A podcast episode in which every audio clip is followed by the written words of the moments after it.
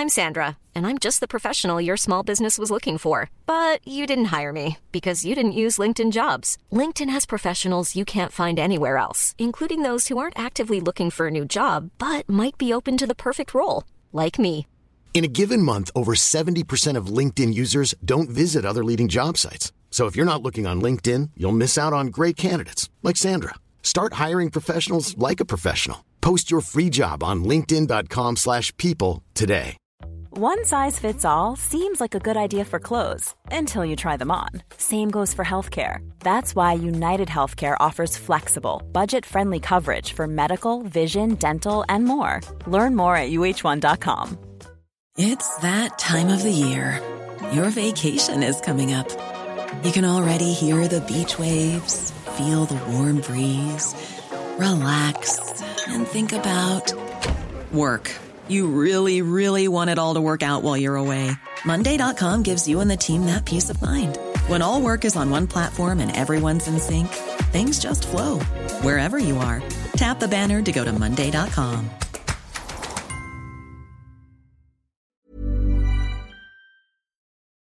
Denne uken kom det enda en dokumentarserie om eh, Knutby, som setter religiøse miljøer i et eh, undersøkelsens eh, lys.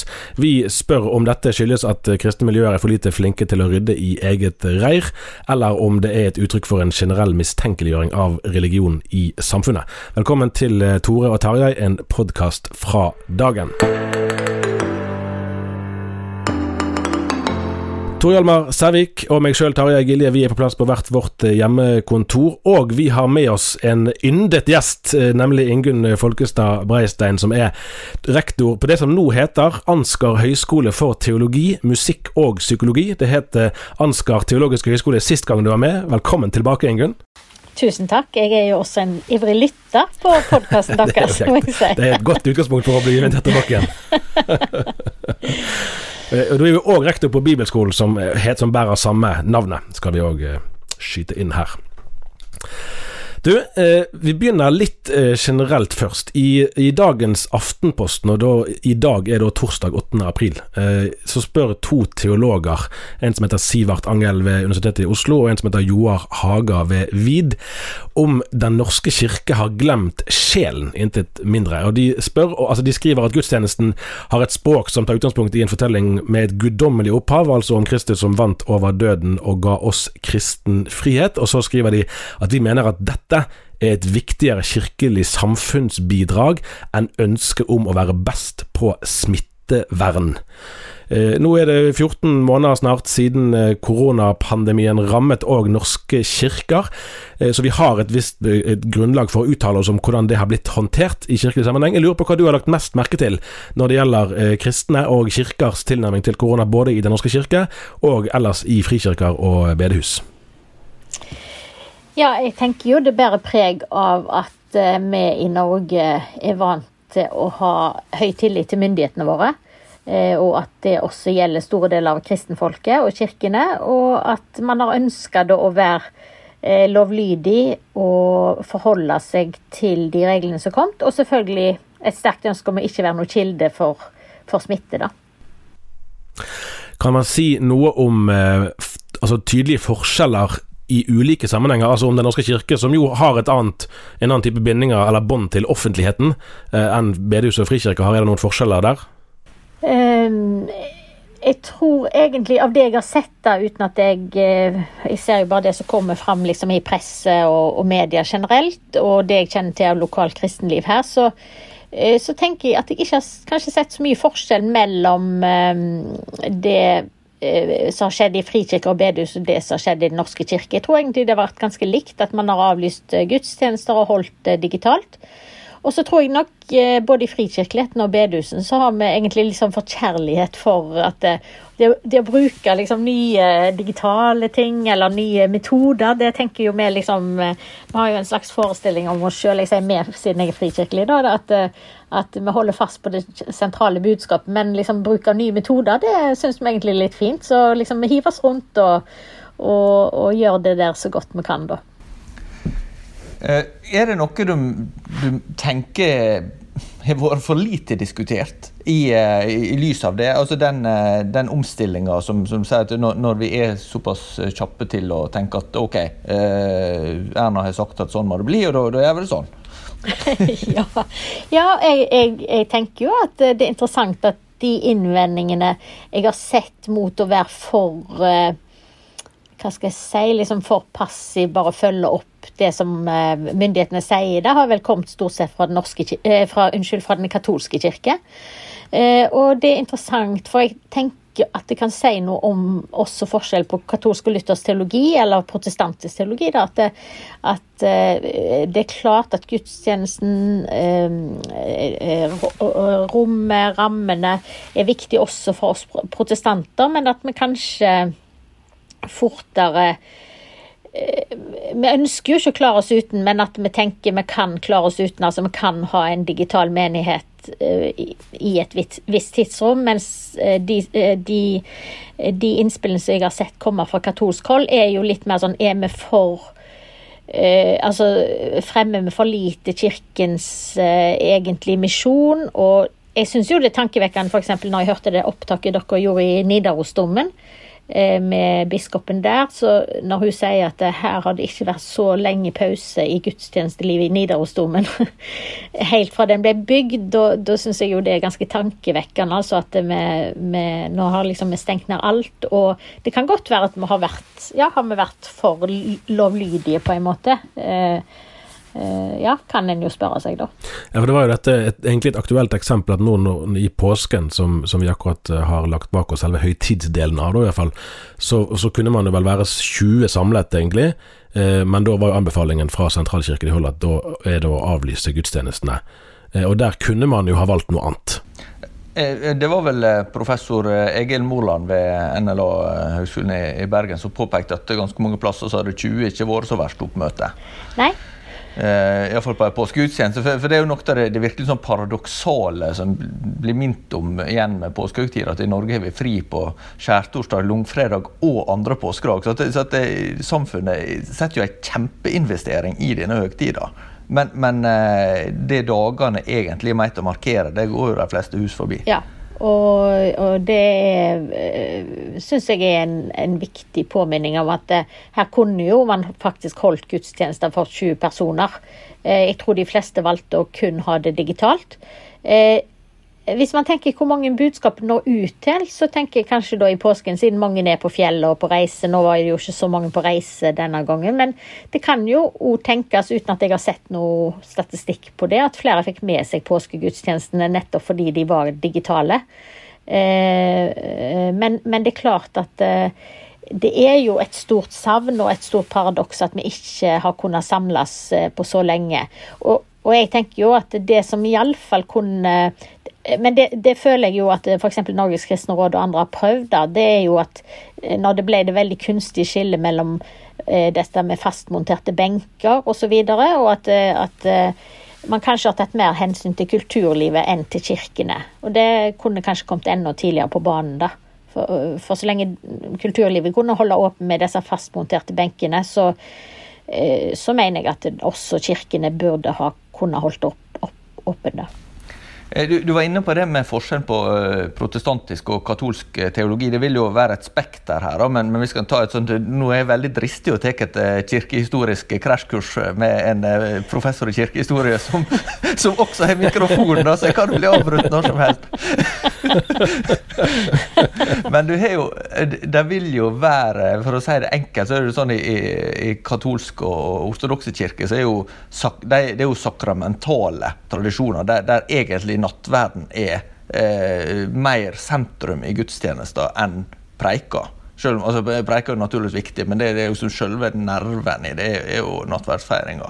Eh, og så har du et spekter der mange gjerne plasserer en tradisjonell luthersk og anglikansk tradisjon en plass imellom, og så har du da eh, det mer reformerte der eh, som ja, En del av det frikirkelige er og ikke minst en del av det amerikanske eh, frikirkelige som inspirerer mange i Norge, legger veldig lite vekt på, på nattverdfeiring. Altså det, det, en feirer jo nattverd, men, men, uh, egentlig så er det forkynnelsen som er det bærende. Uh, og noen vil på en måte da bare se på nattverden som et rent minnemåltid, sånn at det er ikke så viktig verken at det er eh, den og den typen brød og, og vin med alkohol og sånn, og heller prinsipielt ikke sånn En kan feire nattverd digitalt, f.eks., som er helt utenkelig for en katolikk. Eh, og hvem som helst kan innstifte den. Så det, det, Dette avspeiler litt av kirkeforståelsen. Men så lurer jeg litt på på tvers av det, da, så så eh, eh, snakker en jo gjerne om at budskapet må ut. Eh, og, det er, jo, det er, jo, helt naturlig. Men, men er det sånn at en kan måtte undervurdere at, at budskapet også handler om et fellesskap? Altså at det er ikke bare ord som en skal høre og tro og ta imot, men at det er eh, et budskap som, som, handler også om å høre sammen med andre kristne. Det handler ikke bare om å få en individuell tro som en, eh, som en finner mening og trøst i der en er, men at en også skal komme sammen med andre kristne. Mm, ja, jeg tror du fanger det veldig, eh, veldig godt opp, de forskjellene. Og, og eh, jeg tror jo mange savner også det fellesskapet og er seg bevisst at det er viktig. Og det blir jo veldig spennende å se når kirkene åpner igjen etter, etter pandemien. Kommer vi da til å strømme til kirkene, eller kommer vi til å vente oss til å sitte og høre på gudstjenesten i sofaen?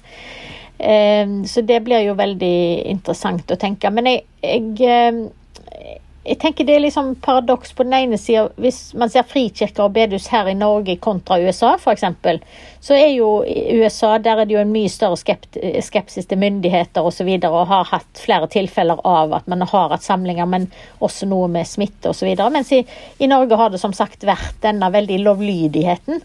Eh, og, og ehm, ja, eh, hvis, Når vi skal se oss tilbake oss på den gang, vil vi tenke at det her var det for, eh, for forsiktig, da. Eh, så det er jo den balansen mellom at ja, man ønsker jo ikke å bidra til smitte, og så er det det at hvor, altså dette er jo helt vesentlig for den kristne tro.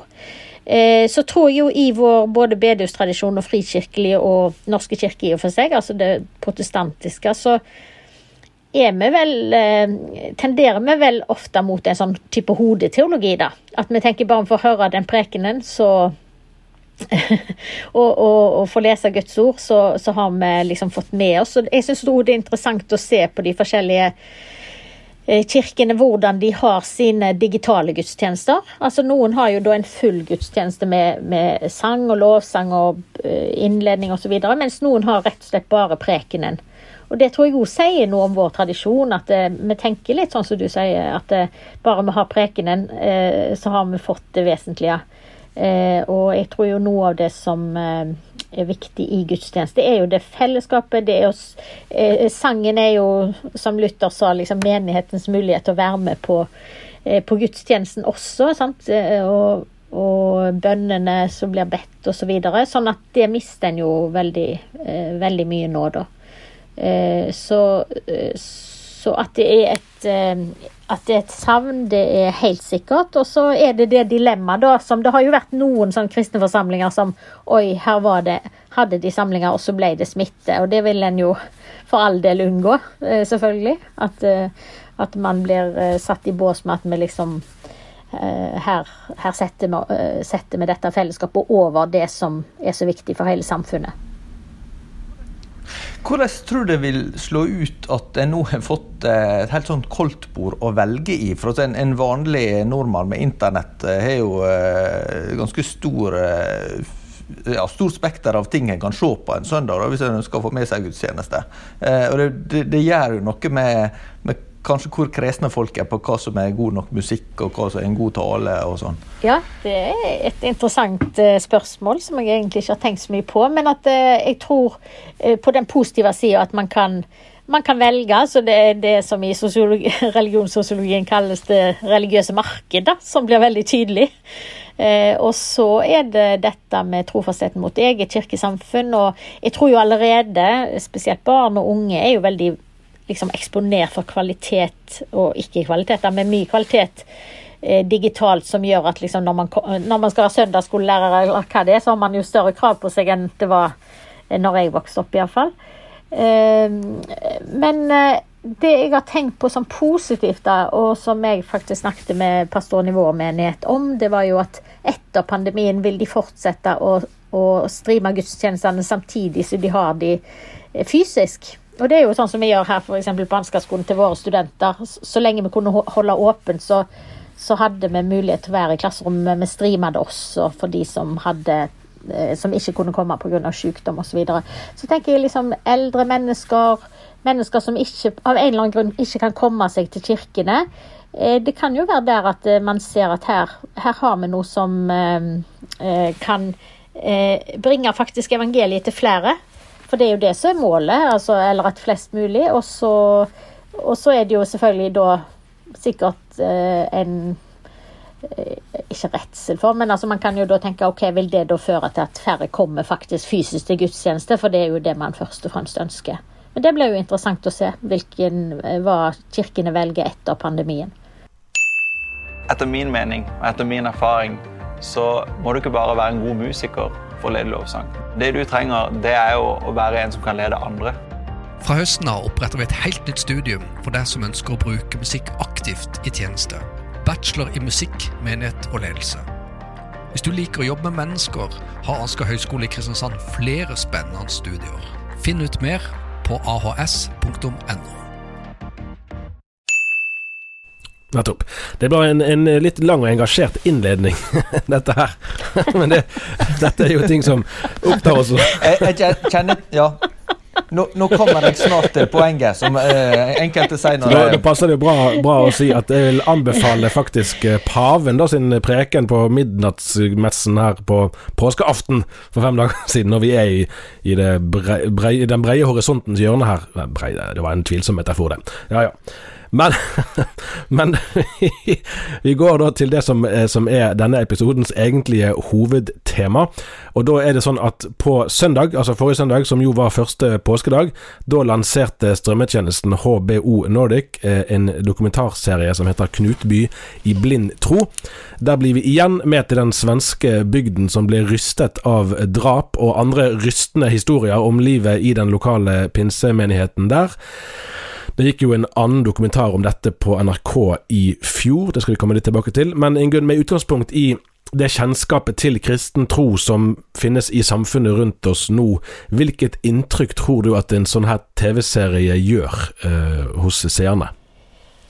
Altså Det kan jo virke som at det er en interesse for det eh, Ja, hva skal jeg si Det ekstreme, det marginale. Eh, eh, altså, eller for å si det sånn, jeg, jeg tenker jo at eh, for oss som eh, befinner oss liksom i, i, det kristne landskapet og det kristne rom, da, så vil vi tenke at dette er marginalt. Dette er ikke noe som er normalt eller vanlig. Eh, takk og lov for det. Mens eh, det kan jo hende at eh, folk som ikke til vanlig er eksponert for eh, den kristne tro, og ikke har så god kjennskap til kirke og bedehus, at det, det for de blir nok en bekreftelse på at det, dette, det er noe crazy og, og, og sprøtt med, med denne kristentroen. Og at Altså, ja, man kan jo bruke begrepet fundamentalisme hvis man tenker liksom noe som er uten som ekstremt, og som, eh, som, ikke tilhører mainstream, da. Jeg husker jeg snakka med, med, en uh, engelsk prest jeg kjenner for, for en del år siden, som, som eh, sa at hvis en går en del år tilbake i tid, så, så ville en sekulær engelskmann som kom inn i ei kirke, tenke er det sant det de sier her? Medan nå så vil en kanskje tenke er det trygt å være her? ja, det er jo, det er jo interessant og, og litt skremmende at uh, man tenker det. Men, men, det er klart at det, altså når jeg gikk på begynte begynte på Ansgar bibelskole i sin tid, som var altså herrens år 1982, eh, så husker jeg at det liksom, fundamentalisme, det ordet, det ble presentert med en viss stolthet i stemmen. At dette var noe, noe, noe æresrikt innenfor den evangelikale kristenhet. Eh, og, og, det har jo endra seg voldsomt. Også etter Trump så kan man jo også undres på om ordet evangelikal lenger tilhører eh, noe man skal være stolt av, så det er jo en annen ting. Men Eh, jeg, tr- jeg tror iallfall at eh, kristen eh, tro som eh, Altså hvis man kan tenke sterk tro, da, og, og her i Knutby sitt tilfelle absolutt sånn avvikende tro fra det, fra det som jeg vil tro de aller fleste tenker er rett lære, eh, hvor man bryter de fleste budene mens man prøver å holde andre, da. Eh, så, eh, så vil jeg tenke at de eh, At eh, gis en kobling da mellom religiøs ekstremisme eh, som er kristen, og religiøs ekstremisme som er islam, og hvor man også altså her i Knutby opplever eh, et drap, rett og slett, mens i, i islamsk fundamentalisme har liksom mer denne hellige krig osv. Men iallfall så kobler man de sammen, og da, og da blir det kanskje sånn som du sier, Tore Hjalmar, som er at man kan liksom tenke Altså det som før var et fredens hus og har et våpenhus der man skal sette fra seg våpnene sine. eh, At man forbinder tvert imot religion med noe skremmende og, og makt. Men er det altså for selve fascinasjonen mot det ytterliggående ekstreme eller det uvanlige, den, den er vel ganske allmenn og kan overføres på de fleste samfunnsområder.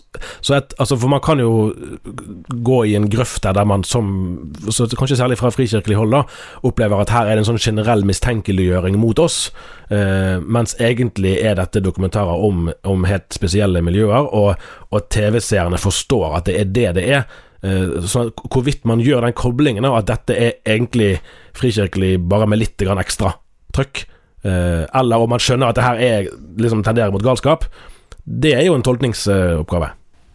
Ja, og det, det er jo interessant, for der er det sånn som du sier, at eh, her kan man jo fort tenke som kristen at man liksom tar piggene ut og tenker nå mistenkeliggjør de alt som er kristent. Jeg tenker jo at vi bør eh, ønske velkommen eh, seriøs journalistikk som undersøker eh, den kristne troen, fordi det, det skal vi ikke være redd for i det hele tatt. Og jeg syns at iallfall den serien som jeg så, som var lagd av svensk Altså i Sverige, da, om Knutby, syns jeg jo var veldig god og god journalistikk som belyste saken. Og så er det jo interessant at det sendes var det første påskedag du sier, for det er jo Man kan jo tenke at det går inn i liksom krim. Eh, krimverden, eh, og, og disse dokumentarene som også gjøres nå generelt om krimsaker som er, er opp, eh, ja, særlig uoppklarte krimsaker. da. Akkurat. For du, Nå har vi snakket litt om den forrige serien. Det var altså Oppdrag granskning, som er liksom Brennpunkt da, i Sveriges televisjon, som hadde laget en dokumentarserie som ble sendt på NRK i fjor. Eh, og Der var jo et av temaene om den svenske pinsebevegelsen burde ha gjort mer for å forhindre det som skjedde i Knutby. Det ble jo en debatt i etterkant til det, for pinselederne mente vel at de hadde gjort det, de, det som kunne forventes av de, mens det, de ble liksom gått litt på klingen om de eh, hadde måtte, egentlig visst, visste mer enn det som eh, godt var, eh, uten å, da, å gripe inn.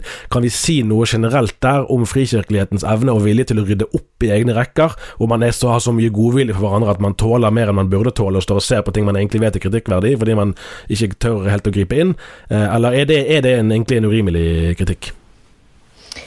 Eh, jeg tenker iallfall at det er to forhold her. Det ene er frikirkeligheten, eller deler av den, sånn pinsebevegelsen, Baptist, Misjonsforbundet, som er vektleggingen av den lokale menighet, og at eh, det er egentlig den lokale menighet som har den øverste myndighet. da. Eh, og det kan jo føre til at liksom andre menigheter verken har innsyn i eller så mye kontakt med andre menigheter. Og det andre tror jeg er riktig, det du sier, at det er nå en viss forsiktighet når det gjelder det å kritisere eh, hverandre og andres eh, eh, menigheter og kirkesamfunn, og det er noe positivt i det, fordi det kan jo bære galt av sted, men samtidig så er det kanskje òg en litt for stor tilbakeholdenhet med å kritisere ting som åpenbart er usunne og, og virkelig med fordel kunne vært satt under en lupe, da. Jeg husker jo for mange herrens år siden, når Eva Lund Mm, Lundgren, ja. ja. Var det? Ja, ja når hun, hun uh, kom fram med dette, som var liksom eh, at eh, det faltes vold i uh, kristne menigheter og kristne familier, så ble jo det liksom totalt avvist av, av uh, store deler av kristenfolket. Og hun ble, hun ble jo veldig kritisert. Og så i etterkant så ser en jo Ja, men her var det jo noe som det var veldig ubehagelig, men Så, så liksom den avveiningen at noe kan være ubehagelig, men det er faktisk her skjer det her skjer det maktovergrep, her skjer det misbruk. Og da, eh, da mener jeg jo at vi burde eh, ha større frimodighet til å, til å eh, heve stemmen. Hva, hva, råd er det du gir? Altså, du er jo med på å utdanne kristne ledere eh, framover. Så, så jeg tenkte å finne balanse mellom det å, å, være frimodig og tydelig og, og, og at en, at en, tenker at en, en er en, en, kristen leder som skal fylle Gud mer enn menneske, og samtidig at en skal være en klok samfunnsborger som skal vise hensyn og, og eh, ja, eh, ikke ture fram da, eh, uten å, ja, skade andre og sånt. Hva, hva samtaler, hva undervisning har dere med? Um, ja, jeg tenker at vi iallfall råder eh, pastor, altså de kommende pastorer og menighetsarbeidere til, er vel det å ha en mentor. Eh, og, det å ha noen som man kan snakke til og om. Eh, og, og, at eh, det i de aller fleste kirkesamfunn er jo også eh, eh, altså systemer og organisasjoner som sørger for at man skal på en måte rapportere til en person. da. og det, det tror jeg jo var noe av det som gikk feil i Knutby, eh, og også kanskje andre menigheter, det er jo når man lager menigheter der man ikke er ansvarlig overfor noen andre.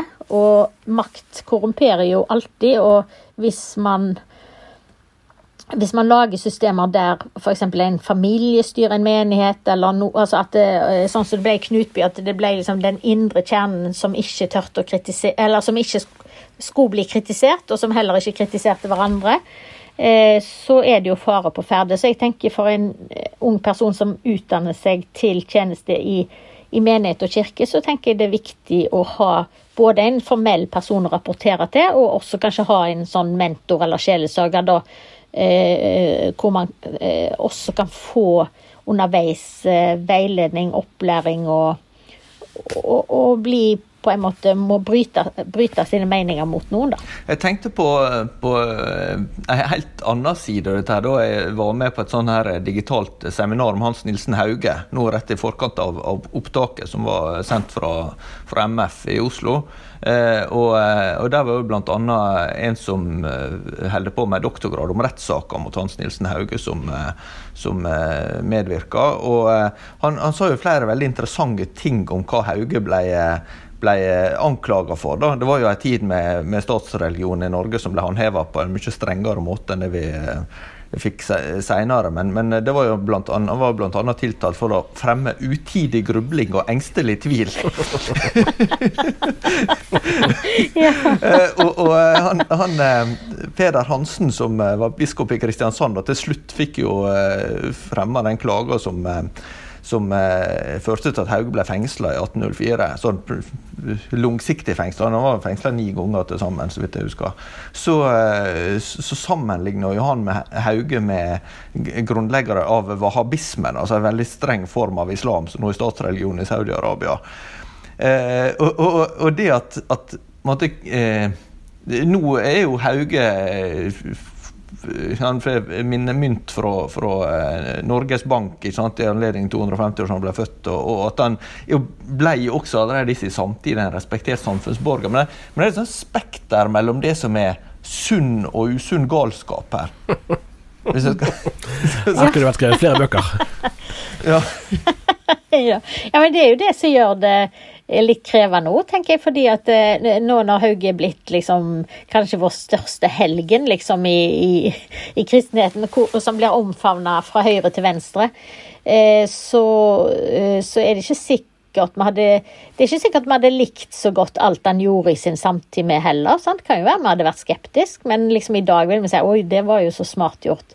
så det er vel det som er vanskelig liksom, i i vekkelsesbevegelser. at det her, Da skjer det jo ofte grenseoverskridende ting. Og så er det jo liksom når er de grenseoverskridende tingene positive, og når er de grenseoverskridende på den måten at det er maktmisbruk over andre og manipulering og Og det er jo ikke så alltid lett å se og si der og da. Så Hans Nilsen August han var jo på en måte den, den vel, man vil kunne si den viktigste religiøse opprøreren vi har hatt i Norge, sant? som sto opp mot embetskirken og ble som en pioner for det som vi i dag kaller for de lavkirkelige organisasjonene, men han oppfordret jo òg til å bli værende i Den norske kirke, altså i den etablerte strukturen, og for så vidt forandre innenfra òg. I lys av det vi har snakket om nå, eh, hva ser du for deg Altså vil for, ja, for den saks skyld frikirkelige kristne, da, som, som, ikke har den folkekirkens paraply over seg, blir mer engstelige eller mer frimodige på sin egen arts vegne i tiden fremover? Ja, der kan jeg jo si liksom hva jeg håper, og så kan jeg si hva jeg, hva jeg frykter. Altså, jeg, jeg, håper jo at det vi nå kaller det livssynsåpne samfunn, at det skal være et rom for at eh, eh troende kan, eh, av alle varianter, holdt jeg på å si, kan frimodig løfte sin røst og, og, utøve sin tro både offentlig og privat, og alene sammen med andre. Eh, og det tenker jeg at det, veldig mye i Norge ligger til rette for. For no, noen ganger når vi sier i Norge at liksom, vi syns at ja, her syns vi at det, her er det mye kritisk og sånn, så liksom vi, vi trenger jo ikke kaste blikket veldig langt utenfor Norges grenser for å tenke at vi har faktisk noe av de beste forholdene i verden eh, for å drive religiøs virksomhet, og ikke minst eh, den, den, ordningen vi har med statstilskudd, da. Eh, så, det, så jeg tenker her ligger forholdene veldig godt til rette for at man eh, kan heve sin røst, og for at man kan dele sin tro med andre.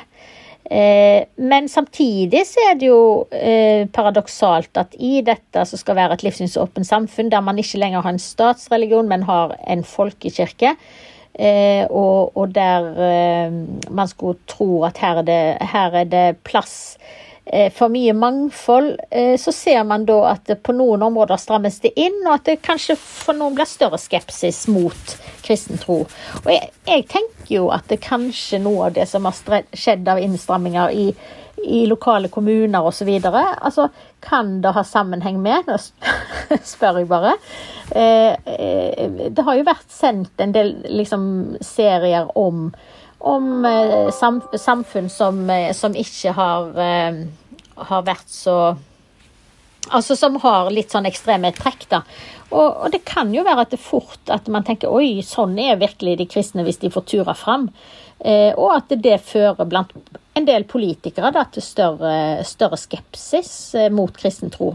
Så, så vi har jo et ansvar for å vise at det liksom eh, Ja, altså kan vi bare ta det, dette eksempelet fra London, da, med Boris Eh, Johnson, var det vel, som, som liksom lovpriste litt de kristne og flere politikere. Men så var det én menighet de, de syntes gjorde så godt samfunnsmessig arbeid, men så fant de ut hva de egentlig mente om ja, altså eh, sikkert homofili og lesbiske og transpersoner osv. Og, så og så liksom beklaga de at de i det hele tatt hadde vært i den kirka. Det var jo ikke Boris Johnson, men en annen politiker som sa det. Ja, Keir Starmer, som er Labour-leder. Nettopp. Ja.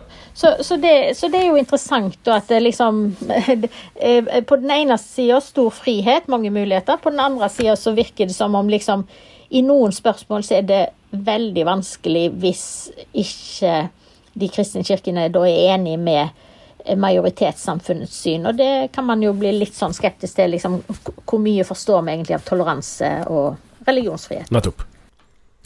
Jeg lurer på om det var det vi rakk, jeg. Ja, men det var ikke litt av det. Nei, det var som et kirk kirkelig møte, lang innledning også. ja, det har du rett i. Det har du rett i. Takk skal du ha, Ingunn, for besøket denne gangen. Vi snakkes nok ganske sikkert igjen, tror jeg. Veldig hyggelig å være med.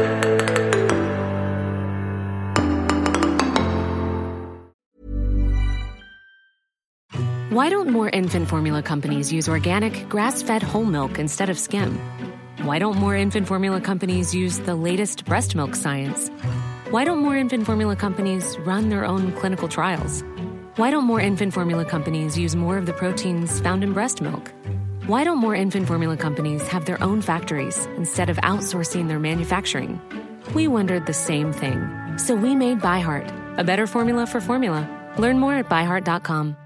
Hi, I'm Daniel, founder of Pretty Litter. Did you know cats tend to hide symptoms of sickness and pain? I learned this the hard way after losing my cat, Gingy. So I created Pretty Litter, a health monitoring litter that helps detect early signs of illness by changing colors, saving you money and potentially your cat's life. Pretty Litter is veterinarian developed, and it's the easiest way to keep tabs on your fur baby's health right at home. Go to prettylitter.com and use code ACAST for 20% off your first order and a free cat toy. Terms and conditions apply. See site for details. Even when we're on a budget, we still deserve nice things. Quince is a place to scoop up stunning high-end goods for 50 to 80% less than similar brands. They have buttery soft cashmere sweaters starting at $50, luxurious Italian leather bags, and so much more. Plus, Quince only works with factories that use safe, ethical, and responsible manufacturing. Get the high-end goods you'll love without the high price tag with Quince. Go to quince.com slash style for free shipping and 365-day returns.